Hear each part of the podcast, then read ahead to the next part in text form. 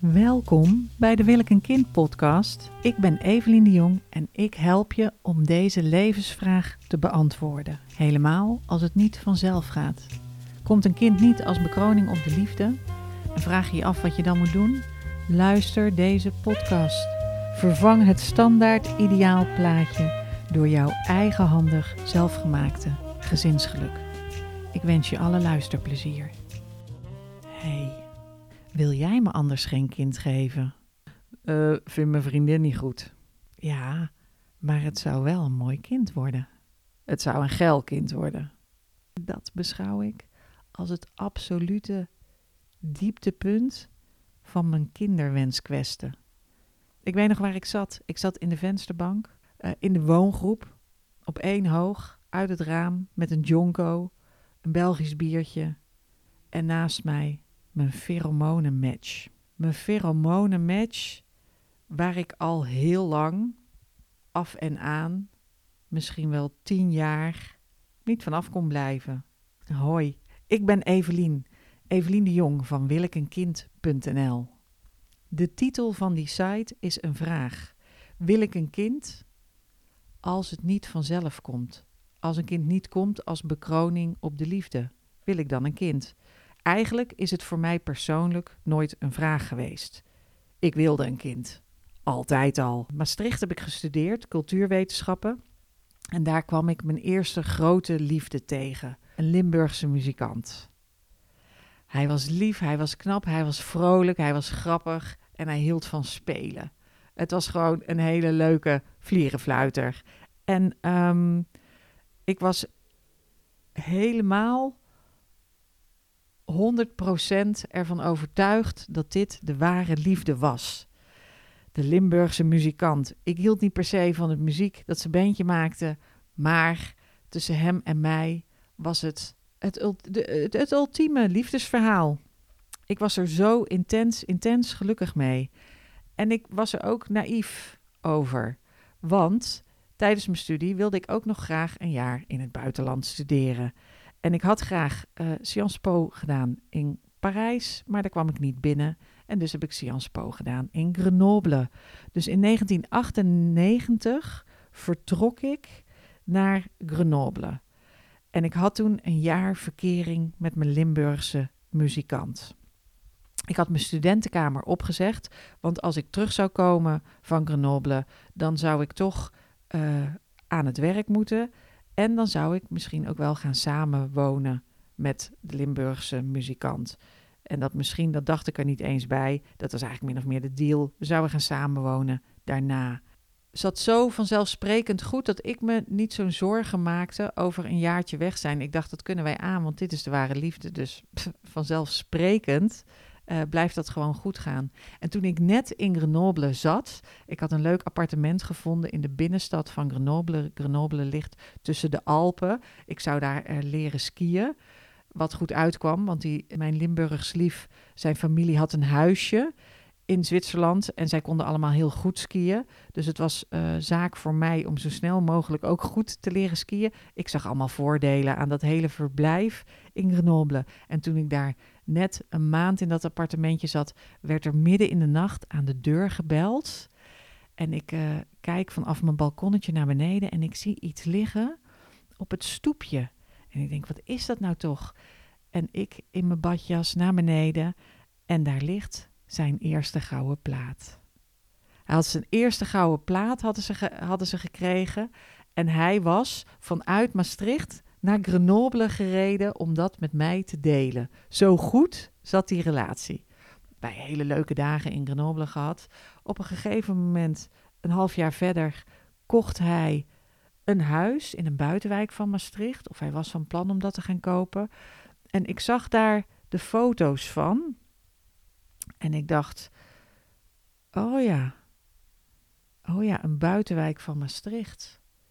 En hij iedere avond spelen. Want zo heet dat als je muziek maakt. En ik in de buitenwijk van Maastricht. Waar ik niet eens goed uh, uh, vloeiend ben in Limburgs verstaan. Hmm. Voor het eerst misschien dat ik dacht: oh ja, dan moet je er dus moeite voor gaan doen om dat geweldig leuk te maken. Maar ik had nog niet in de gaten, kon zelf niet realistisch nadenken over die relatie, over die grote liefde, die groot en meeslepend was. En hij was de ware, dus het zou eigenlijk ook gewoon vanzelf wel goed komen. Toen de tentamens er aankwamen, viel het mij op dat ik eigenlijk degene was die steeds belde. Ik dacht, ik moet daar toch eens op letten. Het lijkt wel alsof ik vaker bel naar hem dan hij naar mij. Op een gegeven moment had ik de laatste drie keer had ik gebeld. Dus toen dacht ik, nou weet je wat, ik wacht gewoon eens tot hij belt. Je moet mensen ook gelegenheid geven om hun affectie te tonen. En toen ben ik gaan zitten wachten totdat hij belde. Letterlijk naast de telefoon. We hadden in Grenoble een, een klein koud gangetje met zwart-witte tegels en een tafeltje. En daarop stond de telefoon. Je had in 1998 nog helemaal niet die mobieltjes zoals je ze nu hebt. En ik ging naast de telefoon zitten wachten, af en toe even de horen optillen om te luisteren of dat de kiestoon het nog deed. Uh, andere mensen belden ook, dus daardoor wist ik dat de telefoon niet functioneerde goed. Mijn Noorse huisgenoten, die kreeg ook gewoon telefoon. Daar mochten ze niet te lang aan blijven zitten van mij. Want hé, hey, mijn Limburgse lief kon bellen. En ik heb daar vier dagen naast die telefoon gezeten. En toen was ik helemaal op van de stress en de zenuwen. En toen besloot ik om zelf te bellen. En toen ontspon zich een heel raar gesprek, waarbij ik steeds vragen stelde en hij hele korte antwoorden gaf. En waarna ik woest de horen ophing en ziedend was, maar niet begreep wat er zojuist gebeurd was. Nou, toen kon ik nog een keer bellen, terugbellen. En toen moest ik dus terugbellen en het zelf uitmaken. Wat een lafbek was die Limburgse liefde. Nou begrijp ik achteraf wel waarom je bang zou zijn voor mij aan de telefoon. Maar ik, toen vond ik dat zo afschuwelijk. En toen was ik ook zo intens verdrietig dat ik mijn ouders belde en zei: Het is uit met mijn Limburgse lief. En mijn ouders zijn ware helden. Die zijn in de auto gesprongen. Die hebben daar de vouwwagen achter gekoppeld. En die zijn in één keer naar Grenoble gereden en hebben mij daar geholpen uh, overeind gehouden. Terwijl ik alleen maar kon huilen. Zo hard huilen. Ik, ik was zo hard aan het huilen dat klasgenoten van mij zelfs nog eens aangebeld hebben. Omdat ze op straat langs mijn appartement liepen en dachten: ligt daar nou Evelien zo keihard te huilen? Nou, dat was zo. Mijn ouders die kwamen me ophalen in uh, Grenoble en namen me mee naar Maastricht, zodat ik het met mijn Limburgs lief live kon uitpraten. En dat hebben we gedaan. En toen was ik ineens verrassend nuchter. Ik zat met hem op een terrasje bij, uh, bij de Servaasbrug aan de Maas. En ik dacht, nou oké, het is je naar de bol gestegen. Bentje heeft een hit. Je denkt dat je beter kan krijgen. Maar jij weet nog helemaal niet dat ik jouw ware liefde ben. En dat dit vanzelf wel goed zal komen. Ik laat je los, ik laat je vrij. En dan komt het daarna wel goed. Toen ik terugkwam in Maastricht, kwam het niet goed ben ik heel hard blijven huilen. Ik vermagerde sterk. Ik was een uitgemergeld meisje van Luddevede. Voor het eerst in mijn leven dat iets echt heel erg pijn deed. Eh, daar had ik ook moeite mee, want het is dus als je houdt van groots en meeslepend leven en drama, dan kom je daar ook niet heel gemakkelijk uit. Dus ik heb me toch een dik half jaar. Ik woonde bij een vriendin. Die heeft mij opgevangen en die heeft me dat half jaar mee ondersteund.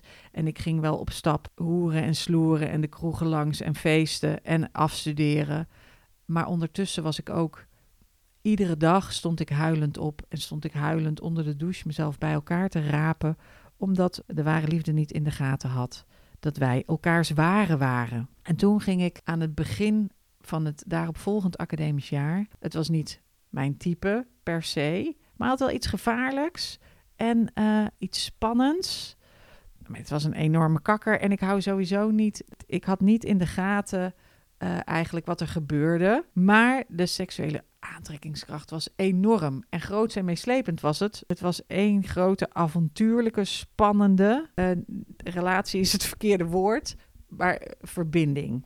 Daarom noem ik hem een match. Dus dat je gewoon die fysieke aantrekkingskracht, die was dik in orde. Maar dat begon toen en het begon als rebound. Het was gewoon rebound. Ik lag in de goot, in de put, te jeremiëren en te janken om mijn ware Limburgse liefde die me verlaten had. En ik moest iets hebben om me aan overeind te trekken. Dus met mijn nagels in te klauwen en mezelf weer rechtop te zetten. En dat was deze jonge man de pheromonenmatch. En ik dacht, nou ja, rebound en het gaat wel weer over.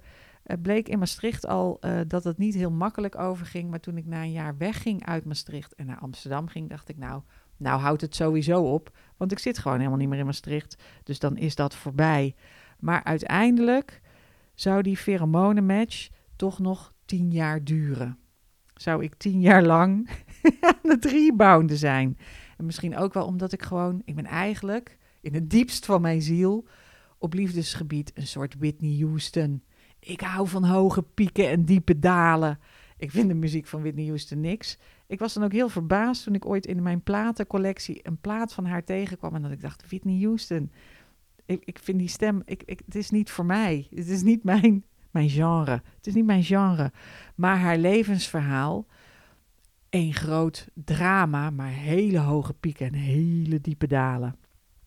Nou ja, ik heb die uh, pheromonenmatch, dat was niet de enige liefde toen ik in Amsterdam zat.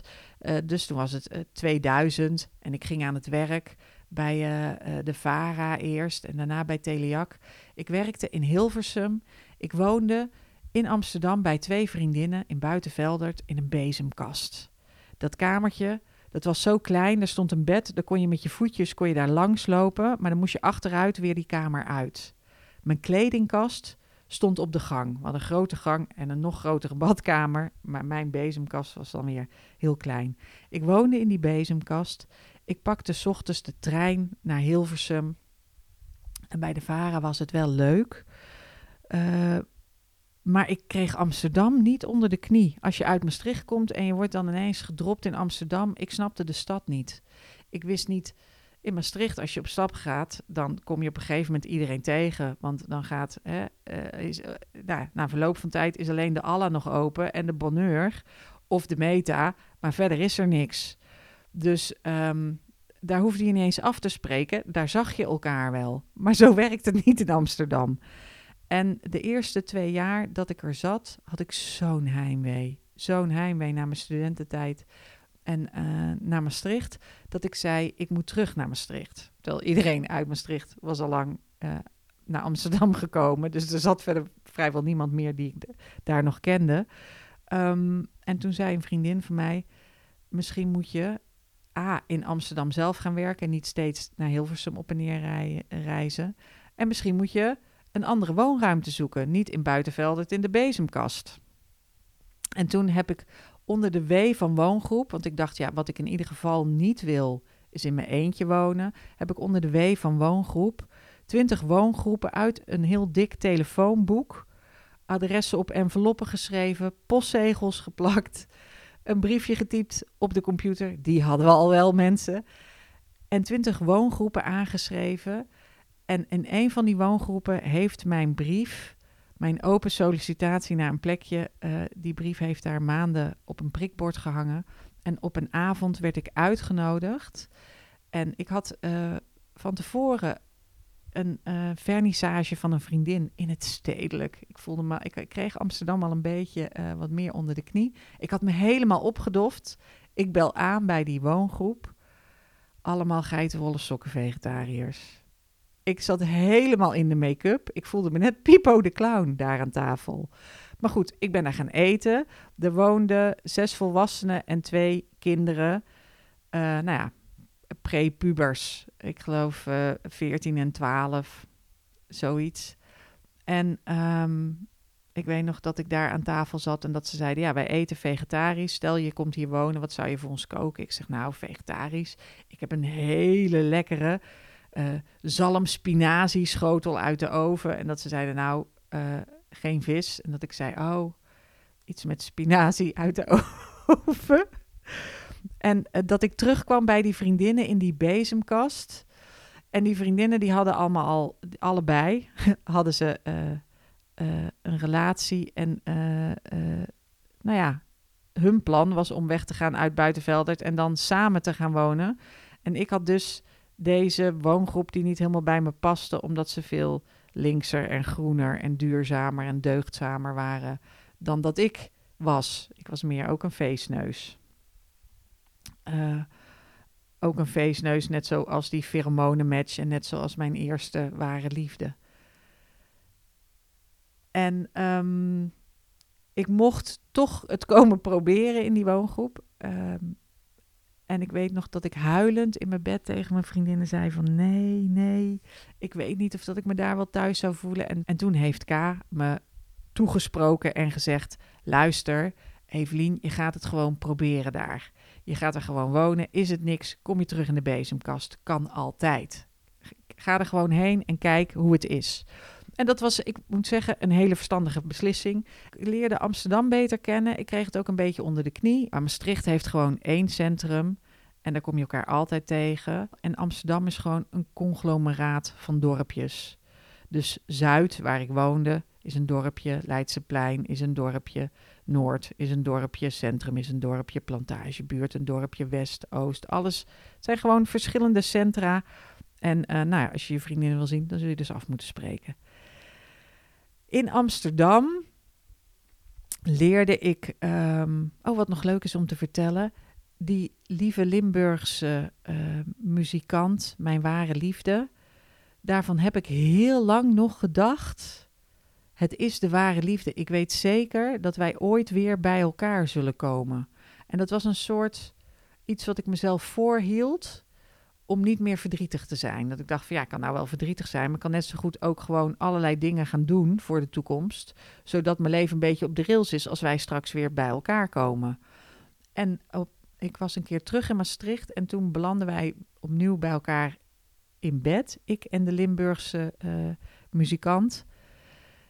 En dat ik ochtends wakker werd en naast me keek en dat ik dacht, ah, dit is het. Dit wilde ik. Dit heb ik al vijf jaar lang heb ik hierover gedroomd en gefantaseerd. En nu is het er. En ik kijk naar zijn gezicht en ik denk, huh? Het is gewoon weg. De, de ware liefde is gewoon weg. Ik voel dat helemaal niet meer, wat ik eerst voelde. Het is helemaal niet, um, nou, ik dacht dat dit dit was wat ik al die tijd wilde en nu is het er. En nu blijkt het helemaal niet te zijn wat ik, wat ik wil. Dus dat was nog een soort ontmanteling, onttovering, onttovering van de ware liefde. Heb ik toen wel meegemaakt. Heel bewust. Dat ik dacht, oh ja, ik heb mezelf gewoon voor de gek gehouden. Maar goed, uh, dat uh, weerhield me er niet van om nog mezelf met die pheromonenmatch uitzonderlijk lang mezelf voor de gek te houden. En die pheromonenmatch, dat, dat was af en aan. Dat was niet tien jaar streed. Maar dat was, als ik een relatie had, dan uh, zagen we elkaar niet. Maar als ik dan weer single was, ja, dan stuurde ik toch altijd even een berichtje of een appje van zullen we een drankje gaan doen? Met konijnenoortjes, aanhalingstekens, drankje. Dat is eigenlijk gewoon een booty call. Want vrouwen kunnen ook booty calls. Zo woke ben ik dan wel. Je kunt als vrouw ook gewoon een booty call doen. Maar je wordt er niet per se, per se de weg naar gezinsgeluk. Andere liefde die nog de moeite van het vermelden waard is, is een hele leuke, lieve slagerszoon. Die ik kende van mijn werk. Ontzettende vrolijke feestneus ontzettend goede klik. Ook avonturen beleven. In die zin leken wij heel erg op elkaar. Waren we allebei levensgenieters en hielden we allebei van een feestje en van reizen en van avonturen beleven. Maar hoe meer ik samen wilde zijn en samen iets op wilde bouwen, des te groter werd zijn feestneus. Dat maakte dus dat ik een beetje een zeikerige vrouw werd. Absolute dieptepunt daarvan was dat ik als een woeste furie door Amsterdam fietste en dat ik in mijn telefoon schreeuwde: Ik heb een jerrycan benzine, ik steek je huis in de fik, ik heb nog een sleutel, ik gooi alles van drie hoog naar beneden. ik, ging alles slopen. Um, heb ik helemaal niet gedaan, want ik kwam daar aan en hij hing tegen zo'n glasbak aan met een vriend die zei: Ja, sorry, het was zo erg voordat ik het in de gaten had. En hij kon niet eens, ik heb hem de trap opgeholpen, ik heb helemaal niks in de fik gestoken. Wij haalden niet het beste in elkaar naar boven. Nou, waarom vertel ik dit over mijn liefdesleven? Het gaat over wil ik een kind? Omdat dat romantisch liefdesideaal loskoppelen van je kinderwens, dat is niet iets wat vanzelf gaat. En ik vertel deze verhalen over mijn liefdesleven, zodat je weet dat mijn liefdesleven was rijk. De anekdotische waarde was hoog. Maar mijn kansen op gezinsgeluk, ja, die waren klein. Na mijn werk in Hilversum ben ik begonnen met stand-up comedy. En eigenlijk gewoon ook omdat ik heel graag op een podium wilde staan en een publiek wilde bereiken. Ik kan niet zingen, uh, ik dans redelijk oké, maar niet verdienstelijk genoeg om daar een spotje op te zetten. Dus ik dacht, stand-up comedy, grappen vertellen, dat ga ik doen. En vanuit die stand-up comedy dacht ik, nou, eigenlijk ben ik niet zozeer stand-up comedian, maar eeuwige student. Ik ga naar de Koningstheateracademie. Dagboeken nog een keer teruggelezen. Ik weet niet, dames, of jullie dagboeken thuis hebben liggen, maar pak ze eens uit de kast en blader ze eens door. Wat mij opviel was dat, hoezeer ik ook briljant en intelligent wil overkomen, die dagboeken vormen het bewijs van dat ik eigenlijk altijd al vooral geïnteresseerd ben geweest in het romantisch liefdesideaal. En de vorm van het romantisch liefdesideaal die ik terugzie in mijn dagboeken is eigenlijk een lijstje volslagen onbekende jongensnamen. Dus ik kom in die dagboeken namen tegen van mannen met wie ik hoop te gaan trouwen en kinderen te krijgen. Of samen de wereld rond te reizen en kinderen te krijgen. Of uh, samen een bedrijf te beginnen en kinderen te krijgen. Allemaal potentiële papa's. En het zijn op dit moment volslagen onbekende jongensnamen voor mij. Dat ik denk, wie? Wie is dit? Wie is Marco? Wie is Hans? Wie is Giacomo? Dimitri, Gilly, die weet ik dan nog wel. Heel veel relaties en helemaal niet wat ik uiteindelijk heel graag wilde. En als grote rode lijn naast die Limburgse liefde, de ware liefde, de muzikant, die pheromonenmatch die tien jaar lang zou blijven terugkomen in die verhalen. Toen ik afstudeerde, ik heb dus cultuurwetenschappen gestudeerd, ben ik uiteindelijk afgestudeerd op het Nederlands softdrugsbeleid. En dat kwam door dat jaar in Frankrijk, omdat als je als Nederlander in Frankrijk was aan het eind van de 20e eeuw, dan vroegen alle Fransen aan je twee dingen. Waarom hebben jullie een koningshuis? Een republiek is veel beter. En waarom roken jullie drugs? Je kunt beter wijn drinken. Met name dat uh, Nederlands softdrugsbeleid was interessant om op af te studeren in die culturele verschillen tussen Frankrijk en Nederland op politiek niveau.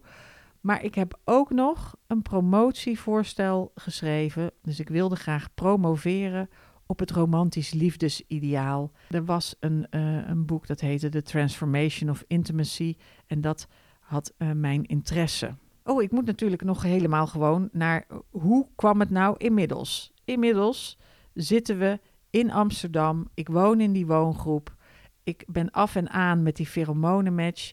Ik deed me helemaal de ziekte om mijn ware liefde te vinden. Ik heb inmiddels al wel begrepen dat het niet allemaal vanzelf gaat. Maar ik weet niet hoe het, hoe het dan precies beter zal moeten kunnen gaan. En ik kan dus niet ophouden met die pheromonenmatch. En op mijn 36ste, van de een op de andere dag, kreeg ik de rekening gepresenteerd. En dat, die wake-up call was heel pijnlijk. We zitten met allemaal vriendinnen aan tafel te lunchen voor mijn 36e verjaardag. Ontvouwt zich een gesprek en een van die vriendinnen zegt: Ja, maar ik wil nu wel snel gaan beginnen voor de tweede. Want op je 36e ben je officieel al wat ouder en stel je voor dat het straks niet meer lukt. En toen stortte ik in. Want ik had nog helemaal geen kind. Ik degene die van tevoren zeker wist dat ze moeder wilde worden, dat ze dat sowieso ging doen. Ik was de allerlaatste en ik was het oudst. Dus ik, ik, ik, ik had de minste kansen, de minst goede kaarten voor iets wat ik het aller, aller, aller, aller, allerliefste wilde. Ik ben een levensgenieter, dus als er een feestje is, dan ben ik daarbij. Als het gezellig is, dan schuif ik aan. Als er gedanst moet worden, dan zet ik de stoelen aan de kant en dan pakken wij die dansvloer. Maar ongemakkelijke situaties of teleurstelling of pijn of ellende, dat is niet helemaal iets voor mij. Ik ben meer van, waar is het feestje? Niet hier. Dan ga ik even daar staan, waar het wel is. Dan hoef ik hier niet te zijn. Dus ik heb lang een soort vluchtstrategie ook gehad. Dat ik dacht, nou weet je wat, ik draai gewoon een jointje, de Wicked Jazz in de Sugar Factory. En ik ga daar gewoon uh, staan dansen. En misschien kom ik daar de ware liefde wel tegen. Ik kon niet echt iets anders bedenken dan de ware liefde tegenkomen. En op mijn 36e was ik dus ineens als een blad aan de boom van iemand die heel vrolijk was. En nou, de enige schrambuts die ik een beetje had opgelopen, dat was die Limburgse muzikant. Dat die liefde overging. En verder had ik nog niet echt grote tegenslagen gekend. Maar nu, het scenario doemde op dat ik misschien wel geen moeder ging worden. En daar werd ik panisch van. Zo panisch dat toen ik als toiletjuf aan het werk was op de Siget-trein, toen ik op het Siget-festival in een thermaalbad was met mijn zus en twee collega's, dat mijn zus toen zei: Evelien, je bent hier zo mee bezig, je bent zoveel aan het huilen, ga naar een psycholoog. Nou, toen heb ik eerst het zwembad rond achterna gezeten met een, de vuist zwaaiend van noem je mij nou gek? Maar toen ik tot rust was gekomen, toen dacht ik, ik ga naar een psycholoog. Heb ik gezocht naar een goede, goede psycholoog en gevonden. En deze meneer heeft mijn leven gered. Gechargeerd gezegd, heeft hij mijn leven gered, want bij die psycholoog ging ik praten over mijn gedrag, over de dingen die ik deed. En zo zei ik bijvoorbeeld tegen de psycholoog: Mannen willen mij alleen maar voor de seks. Alle mannen. Zeg ik ja, alle mannen. Zo zijn ze, de mannen. Toen zei hij: Oké, eh, noem ze dan eens op. Ik zei: Nou, als eerste, die pheromonenmatch. Dat is één. Nou, dus die, vooral die. En ik kan, nu schiet me alleen even die pheromonenmatch te binnen. En toen zei hij: Nou, dan moet je dat zeggen. Dan moet je zeggen: De pheromonenmatch wil mij alleen maar voor de seks. En ik fietste daar weg. Ik zie me nog fietsen door de Jordaan. En ik begon een beetje pissig te worden. Ik denk, non de ju, die pheromonenmatch. Wat een viespeuk. Hij wil mij alleen maar voor de seks. Ik vertel dat tegen mijn vriendinnen. Die vielen allemaal om. En die zeiden, jezus, de Evelien, dit hebben we je al een triljoen keer gezegd. En nu pas dringt het tot je door. Ja, nou ja, dat is dus het verschil. Op een gegeven moment moet je gewoon, kom je pas keihard met je kop tegen de muur tot inzicht. Maar toen was ik dus al 36. En ik was single. En ik had niet een heel goed track record op het gebied van nou relaties herkennen. Uh, wat er wel en niet goed zit. En ik wist ook niet hoe ik het beter kon krijgen. En toen ben ik als een gek dingen voor mijn kinderwens gaan doen. Want ik dacht, het zal mij toch niet gebeuren dat ik geen moeder word. Ik moet moeder worden. Dus ik stond er lekker relaxed in. Not. In die tijd, twaalf jaar geleden, was eicellen invriezen nog niet zo'n optie. Dus gelukkig kan ik achteraf ook wel zeggen, heb ik me daar niet mee bezig hoeven houden. Want dat is natuurlijk nu, als je in die situatie zit, een reële optie die op tafel ligt. En als je op tafel ligt, ja, dan zul je er ook over na moeten denken. Maar dat hoefde ik toen niet, want het was gewoon nog geen usance. Het werd gewoon zelfs dat social freezing werd zelfs niet eens gedaan omdat ze dat uh, niet wenselijk voor sociale redenen waren, geen goede redenen om je eicellen te laten invriezen, twaalf jaar geleden. Toen ben ik alles gaan lezen en gaan doen om meer inzicht te krijgen in kan ik nou het door mij zo fel begeerde gezinsgeluk bemachtigen. En toen heb ik echt alles gedaan. Dus ik heb een jeugdvriend gevraagd om zijn zaad. Een mooie brief geschreven om te vragen of dat hij niet een bekende donor zou willen worden zonder rol. Ik heb homo's gedate. Te weten, een puissant rijke homo. Boottochtjes met rosé op zijn riva door de grachten. Hartstikke leuk. Hij had overal kunstslingeren in zijn huis. Dat ik zei, oh, wat staat daar dan? Nou, dat was dan een Erwin Olaf. Die had nog geen tijd gehad om die op te hangen. En het was een hartstikke leuke vent. Alleen, ik zat natuurlijk een beetje de levenskunstenaar uit te hangen... met mijn stand-up comedy, Koningstheater Academie en een beetje columns schrijven hier en daar. Zonder enig noemenswaardig inkomen. En hij, visant rijk, verschrikkelijk loaded. En toen dacht ik, ja, als het ooit misgaat tussen ons, leg jij financieel gezien veel meer gewicht in de schaal. Dat zou vervelend zijn. Maar goed, die visantrijke homo, daarvan dacht ik dus, uiteindelijk is dat helemaal niet een handige match. Er woonde een ontzettend leuke gay man bij mij in huis. Daar heb ik ook nog een half jaar mee gedate om te kijken of dat wij samen aan een kind konden beginnen. Maar uiteindelijk had hij een vriend en die betrokken we toen nog niet in het proces omdat we er samen uit wilden komen. Maar dat is natuurlijk super onverstandig, want zij hadden wel samen een, een relatie. Eh, dus die jongen werd gewoon buitengesloten, die man. Dus dat uh, liep ook stuk. Ik ben gaan daten via meerdangewenst.nl. Nu heb je ook One Wish voor wensouders. Maar toen had je alleen nog meer dan gewenst. En toen heb ik nog gedate met een hetero-stel, waarvan die man graag een biologisch kind van zichzelf wilde. En zij uh, had al een kind en ze kon geen kinderen meer krijgen. Maar dat liep eigenlijk stuk omdat zij een heel sterk karakter was. En ze was ook nog huisarts. En toen dacht ik, nee, dan word ik helemaal overschaduwd. Maar wat ik het liefste wilde, was een kind samen met iemand. En als het dan niet een romantische liefde was, dan zou ik iets anders regelen voor co-ouderschap. Dus daar ben ik best lang mee bezig geweest. En die psycholoog, die heeft ook nog eens benoemd, die zei, wat jij doet is, je hebt gefragmentariseerde intimiteit. Jij bent op een dieper niveau intiem met een verschillend aantal mensen. Dus ik had mijn huisgenoten in de woongroep. Daar deel je lief en leed mee. Je deelt lief en leed met je vriendinnen.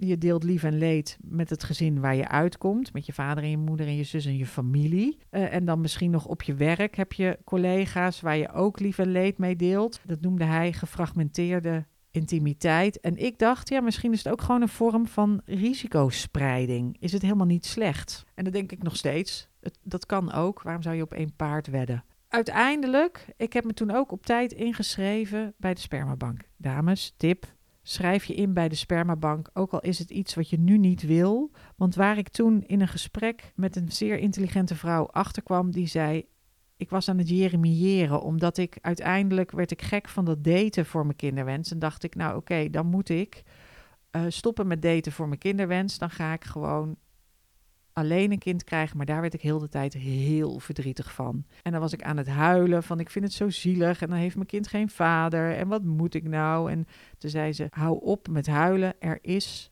een maximale optie voor ieder moment in de tijd. Dus per tijdsbestek zijn er verschillende dingen die wel of niet op tafel liggen. En zelf, als ik het uitleg aan anderen, zeg ik altijd: er hangt een prijskaartje aan je kinderwens.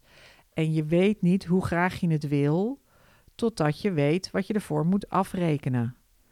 Dus als je begin 30 bent, dan denk je, nou, ik ga gewoon nog daten voor mijn kinderwens. En ik heb ook mensen gesproken die eind 20 al zeiden: Ik wil helemaal niet wachten. Ik wil gewoon jongmoeder worden. Ik heb nu niemand. Ik ga dat nu zelf doen. En uh, die jonge vrouw had dan weer een probleem dat andere mensen haar niet serieus namen. Die zeiden: Waarom zou je dat doen? Je hebt gewoon nog tijd. Wacht nog even af. Maar dat wilde ze helemaal niet. En ik moet zeggen dat ik het zelf eerst ook moeilijk vond, omdat ik dacht, ja, je kan ook nog wachten. En toen dacht ik, nee, waarom zou je niet, als je weet wat je zelf wil, dan kun je gewoon stappen gaan zetten om dat te gaan doen. En zeker als het gaat om kinderen krijgen, dan uh, kun je voor jezelf kijken wat je wanneer bereid bent te betalen. Alleen sommige dingen hebben een lange aanlooptijd. Nou kom ik terug bij die spermabank. De wachttijd is twee jaar. Dus misschien dat je nu nog denkt, ik moet helemaal niet bij de spermabank zijn, maar dat je er over twee jaar wel aan toe bent. En als je natuurlijk omhoog zit en je hebt meteen zaad nodig, kan je ook gewoon bellen en bestellen bij de Criosbank. En je kan natuurlijk ook altijd een shortlist of een longlist maken voor mensen in je omgeving die je zou willen vragen. Maar gewoon als gedachteoefening daar eens een lijstje voor maken. In de plaats van die lijstjes met onbekende jongensnamen die potentiële papa kunnen zijn in een ware liefdeverhaal. Wat ook gewoon een sprookje is. En fuck sprookjes. Want waarom ben ik wil ik een kind begonnen? Nou, daarom. Omdat die periode van mijn 36ste tot mijn 38ste ongelooflijk vermoeiend en verwarrend was. En heel verdrietig. En het hoeft niet per se zo vermoeiend en verwarrend en verdrietig te zijn. Het kostte zoveel energie en zoveel levenslust en zoveel. Ik was gewoon niet meer mezelf. Dat is wat mensen tegen me zeiden: dat ik niet meer was als mezelf. Eigenlijk alles zit me mee. Maar toen bleek dat die kinderwens niet vervuld kon worden en ik de 36 was gepasseerd, raakte ik zo in paniek dat ik dacht dat alles mislukt was. En achteraf gezien uh, heb ik daarmee het zaadje gelegd met die hele struggle voor wat nu kind.nl is. Dus vanuit mijn eigen wanhoop en verdriet ben ik dit begonnen om vrouwen en mannen zoals ik zelf, om die te helpen hiermee. Hoe liep het natuurlijk uiteindelijk af met mij? Want ik kan natuurlijk niet alleen maar grossieren in ongelukken en dan zeggen: ik ben de master hierin. Wat er uiteindelijk gebeurde was dat ik een goede man trof. Een goede man die ik ook als zodanig herkende, omdat ik keihard aan mezelf gewerkt had En dacht van oké, dit is een goede man. Wij matchen op intellectueel niveau. Wij matchen qua gevoel voor humor. We komen allebei uit een soort ambtenarengezin. Wij hebben dezelfde Brabantse roots. Ik leerde hem kennen via via. Gouden tip mensen. Via via werkt het beste. En ik vierde vastenavond met hem. Vastenavond is uh, Bergen op Zoom voor carnaval. Vastenavond in het krabbegat. En dan leer je elkaar echt goed kennen. En dat, dat is iets, dat schept een band. Dus dat zijn mijn twee tips. Via via, als je nog een man zoekt om een kind mee te krijgen, via via en vastenavond. En dan is het allerbelangrijkste dat je de ander niet onder druk zet. En hier was ik dus een verlichte zen-boeddhist in, de ultieme master in. Want de reden dat wij, mijn uh, goede man en ik, nu samen zijn en dat wij samen een kind hebben, komt omdat ik het kon loslaten. Ik had in de gaten dat dit een goede relatie was. We begonnen heel rommelig, niet heel netjes. Uh, lang verhaal kan nou niet meer in deze podcast. Maar um, we begonnen rommelig en hij wilde niet meteen een kind met mij. Maar ik was ondertussen wel al aan de beurt bij de spermabank. Daar hebben we geen vrolijke gesprekken over gevoerd. Maar we hebben er wel gesprekken over gevoerd. Gesprekken die niet vrolijk waren. We gingen naar het strand, we gingen uitwaaien, we gingen daarna bier drinken, huilen en schreeuwen tegen de wind in. Maar het kwam erop neer dat hij zei: Ga naar de spermabank, ik wil best je handje vasthouden. En als het kind geboren wordt over negen maanden, dan wil ik het misschien wel adopteren, maar ik ben er nu niet aan toe om samen met jou aan het ouderschap te beginnen. En dat vond ik ellendig om te horen, heel verdrietig en heel pijnlijk. Maar ik dacht ook, ik weet ook niet of dat ik met jou er nu aan toe ben. Ik, ja, ik ben er niet aan toe, ik kan alleen niet langer wachten. Dat zijn twee verschillende dingen. Er niet aan toe zijn en niet langer kunnen wachten dat kan eh, helemaal prima naast elkaar bestaan. En ik ging dus naar de spermabank, ben drie keer geïnsemineerd, gebeurde helemaal niks. Toen heb ik zelf een afspraak gemaakt met de gynaecoloog. En dat is een aanrader, wees daarin assertief, want ze zeggen je moet een half jaar proberen. Maar ik was inmiddels uh, eh, 38, ik dacht uh, chop chop, let's get it on. Er moet iets gebeuren. Die gynaecoloog deed allerlei onderzoeken, eigenlijk een beetje in de verkeerde volgorde, want ze deden eerst een kijkoperatie en die moet dan herstellen en daarna pas de contrastvloeistof. En uh, toen ze dat deden, bleken allebei mijn eileiders dicht te zitten. Nou heb ik ooit chlamydia gehad, dat is een van de gevolgen daarvan. Dus door, daardoor kon ik überhaupt niet op een natuurlijke manier zwanger worden. Dus al had ik stiekem een kind gewild van die pheromonenmatch, in een onverstandig verleden. Dat was niet eens gelukt, want dan had ik dus stiekem een IVF-traject met iemand moeten doen. Nou, dan, dan moet je wel van heel goede huizen komen op goochelgebied. Al die tijd was goede man en ik waren nog steeds samen. En ik weet nog dat ik in het ziekenhuis dus te horen kreeg, uh, mevrouw de Jong, allebei uw eileiders zitten dicht. En ze zitten ook dicht helemaal aan het begin bij de baarmoeder. Dus we kunnen ook niet proberen om ze door te spuiten of wat dan ook. U kunt niet op een natuurlijke manier zwanger worden. Nou, en hij ving mij op. Hij, hij zette me huilend in zijn auto. We reden weg. Ik zei: Ik wil drie dingen. Ik wil lamskoteletten. Ik wil een dikke jonko en een hele goede film. En toen hebben we Full Metal Jacket gekeken. En lamskoteletten gegeten. en ik heb een dikke joint, want hij blode niet. Ik heb een dikke joint gerookt om het allemaal te verwerken. En toen konden we, kon ik dus daarna eh, IVF gaan doen. En toen heb ik hem toch nog een keer voor het blok gezet. Toen zei ik, ik ga nu IVF doen. Denk erover na of dat je mee wil doen. Vertel het me over een week.